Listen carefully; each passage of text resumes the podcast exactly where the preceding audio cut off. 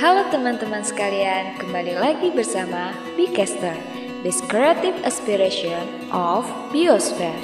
When some questions dive your mind.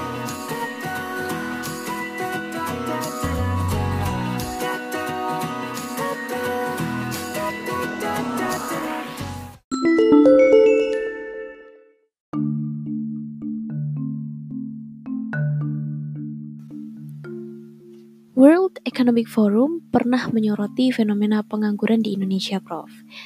Berdasarkan data yang dihimpun di tahun 2017, lulusan sarjana menempati posisi tertinggi penyumbang pengangguran di Indonesia.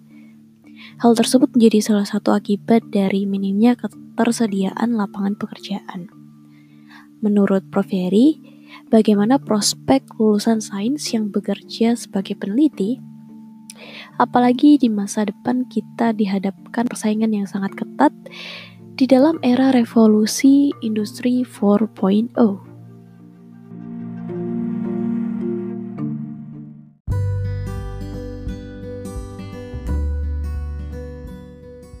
Ya, baik. Jadi kalau kita bicara peneliti memang ya terbatas. Artinya eh, bagian itu tidak di semua sektor di rumah tangga kita penelitian di jalan kita penelitian intinya ada beberapa tempatnya saja. Tetapi kalau kita kaitkan dengan konsep pengangguran bahwa sebenarnya membangun mahasiswa atau siswa yang punya ide-ide kreatif itu yang menjadi penting. Jadi kita harusnya pengajarannya itu juga bagaimana caranya mahasiswa atau peserta didik itu selain belajar dia bisa mengaktifkan semaksimal mungkin potensinya soft skillnya itu ditingkatkan. Nah kadang-kadang yang kita sedikit melupakan walaupun sudah didesain ya sekarang di UNER mulai beberapa tahun yang lalu itu ada nilai-nilai soft skill yang diembedkan, dimasukkan, disisipkan di kuliah. Karena kita tidak ada khusus mata kuliah soft skill Artinya soft skill itu kan bermacam-macam ya, kemampuan dirinya itu keberanian, kepemimpinan, kejujuran, kreativitas, kreativitas sebagainya.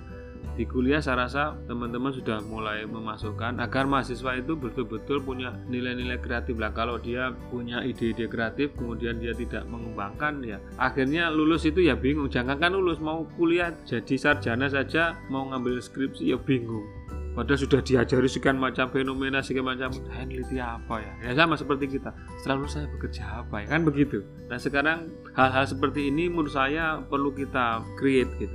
Bahwa contoh nyata itu sudah banyak. Mahasiswa-mahasiswa mungkin nggak usah kita berbicara terkait dengan dulu bagaimana. Kalau misalnya contoh saja Bu Susi, Oh Bu Susi aja loh SMP bisa jadi menteri.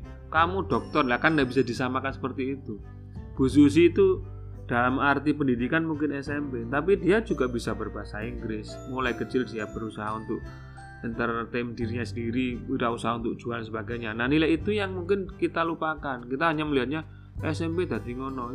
Akhirnya ujung-ujungnya untuk apa kuliah? kan gitu. Ya gak kuliah kok tadi melarat kamu artinya kuliah itu tidak menjamin kaya tetapi dengan kuliah dengan sekolah dengan berpendidikan kita tuh semakin bisa punya banyak ilmu Nah, masalahnya kita bisa memanfaatkan ilmu kita tadi enggak. Misalnya, kita sekarang belajar tentang teknologi. Apa yang kita bisa manfaat?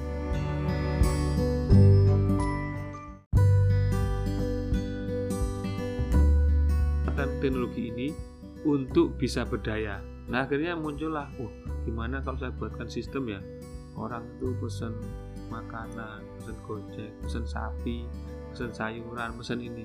Ya sama seperti yang Anda lakukan sekarang ini kan ini kalau kita kreatif kan kita terus berpikir apa yang belum nih mungkin kau pangan nasi gede kayak keripik ya misalnya. Coba sih saya buat keripik. Kok nggak ada buat? Wah ini sudah ada bakso.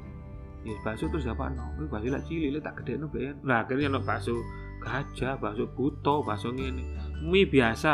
Ya apa tak dadi no mie ku mie gondoruwo ngono.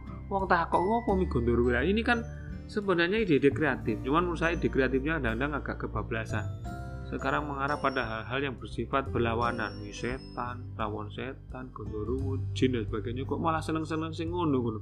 Kok kau nomi kiai? Tapi ini kan ya tetapi ini dia kreatif membuat orang bertanya itu kan sesuatu hal yang sama sekarang kalau anda melihat seorang wartawan kenapa tulisannya dia itu kok orang suka? Kadang-kadang judulnya itu sudah membuat orang bertanya.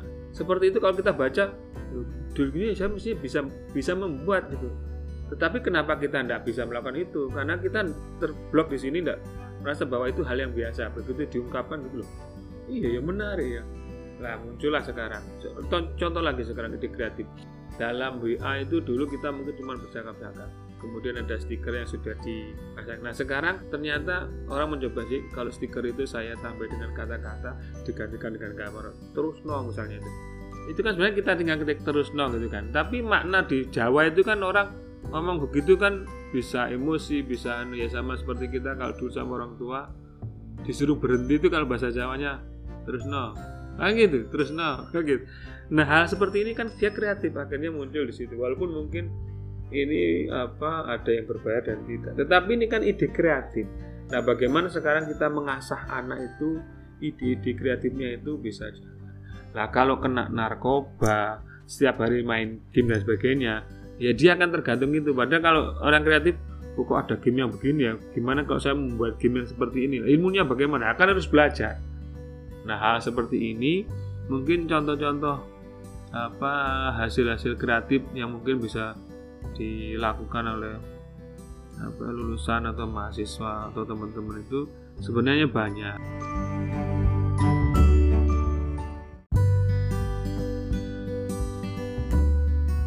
Kemudian ternyata juga perlu hal-hal yang lainnya. Punya ide kreatif tapi tidak berani mengeksekusi. Berani mengeksekusi tetapi dia takut resiko misalnya. Nah, itu mungkin yang harus kita jalani. Nah, bagaimana kita tidak takut resiko? Ya harus berani mencoba. Bagaimana kita bisa menangani resiko? Ya setelah kita nyoba kan kadang-kadang kita baru tahu kalau kita tiap hari di rumah kemudian kita jalan selalu di papa naik mobil sebagainya kita tidak akan punya pengalaman rasa sakit. Seperti kalau saya ceritakan di kuliah itu. Tapi kalau anak sudah usul lari aja nanti begitu jatuh oh kok sakit? Oh sakit. Sudah sudah gitu. Otomatis dia pasti ada pengalaman di situ. Oh, nyari apa itu. Pengalaman. Tapi begitu anak tidak pernah pengalaman sakit pasti dia diam. Apa yang mau saya lakukan ya barangkali tidak tahu. Itu pasti itu nah itu juga saya alami waktu saya bilang bahwa saya baru S2 itu kos itu. Ya sampai bingung. Ya nang mau uang saya biasa tidur makan sudah disediakan sama orang tua sebagainya. Tapi begitu kita jalani sendiri ya saya akan menemukan pola-pola saya sendiri yang untuk mengatasi masalah saya sendiri. Bagaimana ngirit uangnya gitu. Selama ini tidak pernah ngirit dong terus dikasih orang tua. Uang sekian cukup mbak ya.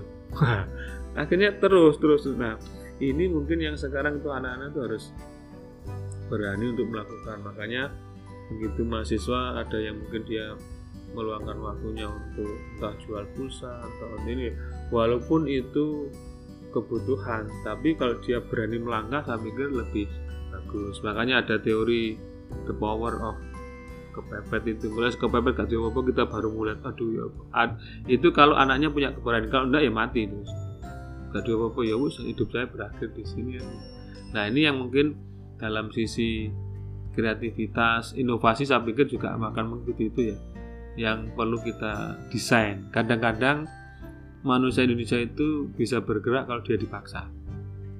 Dipaksa dulu, terpaksa, jadi kebiasaan, jadi habit gitu.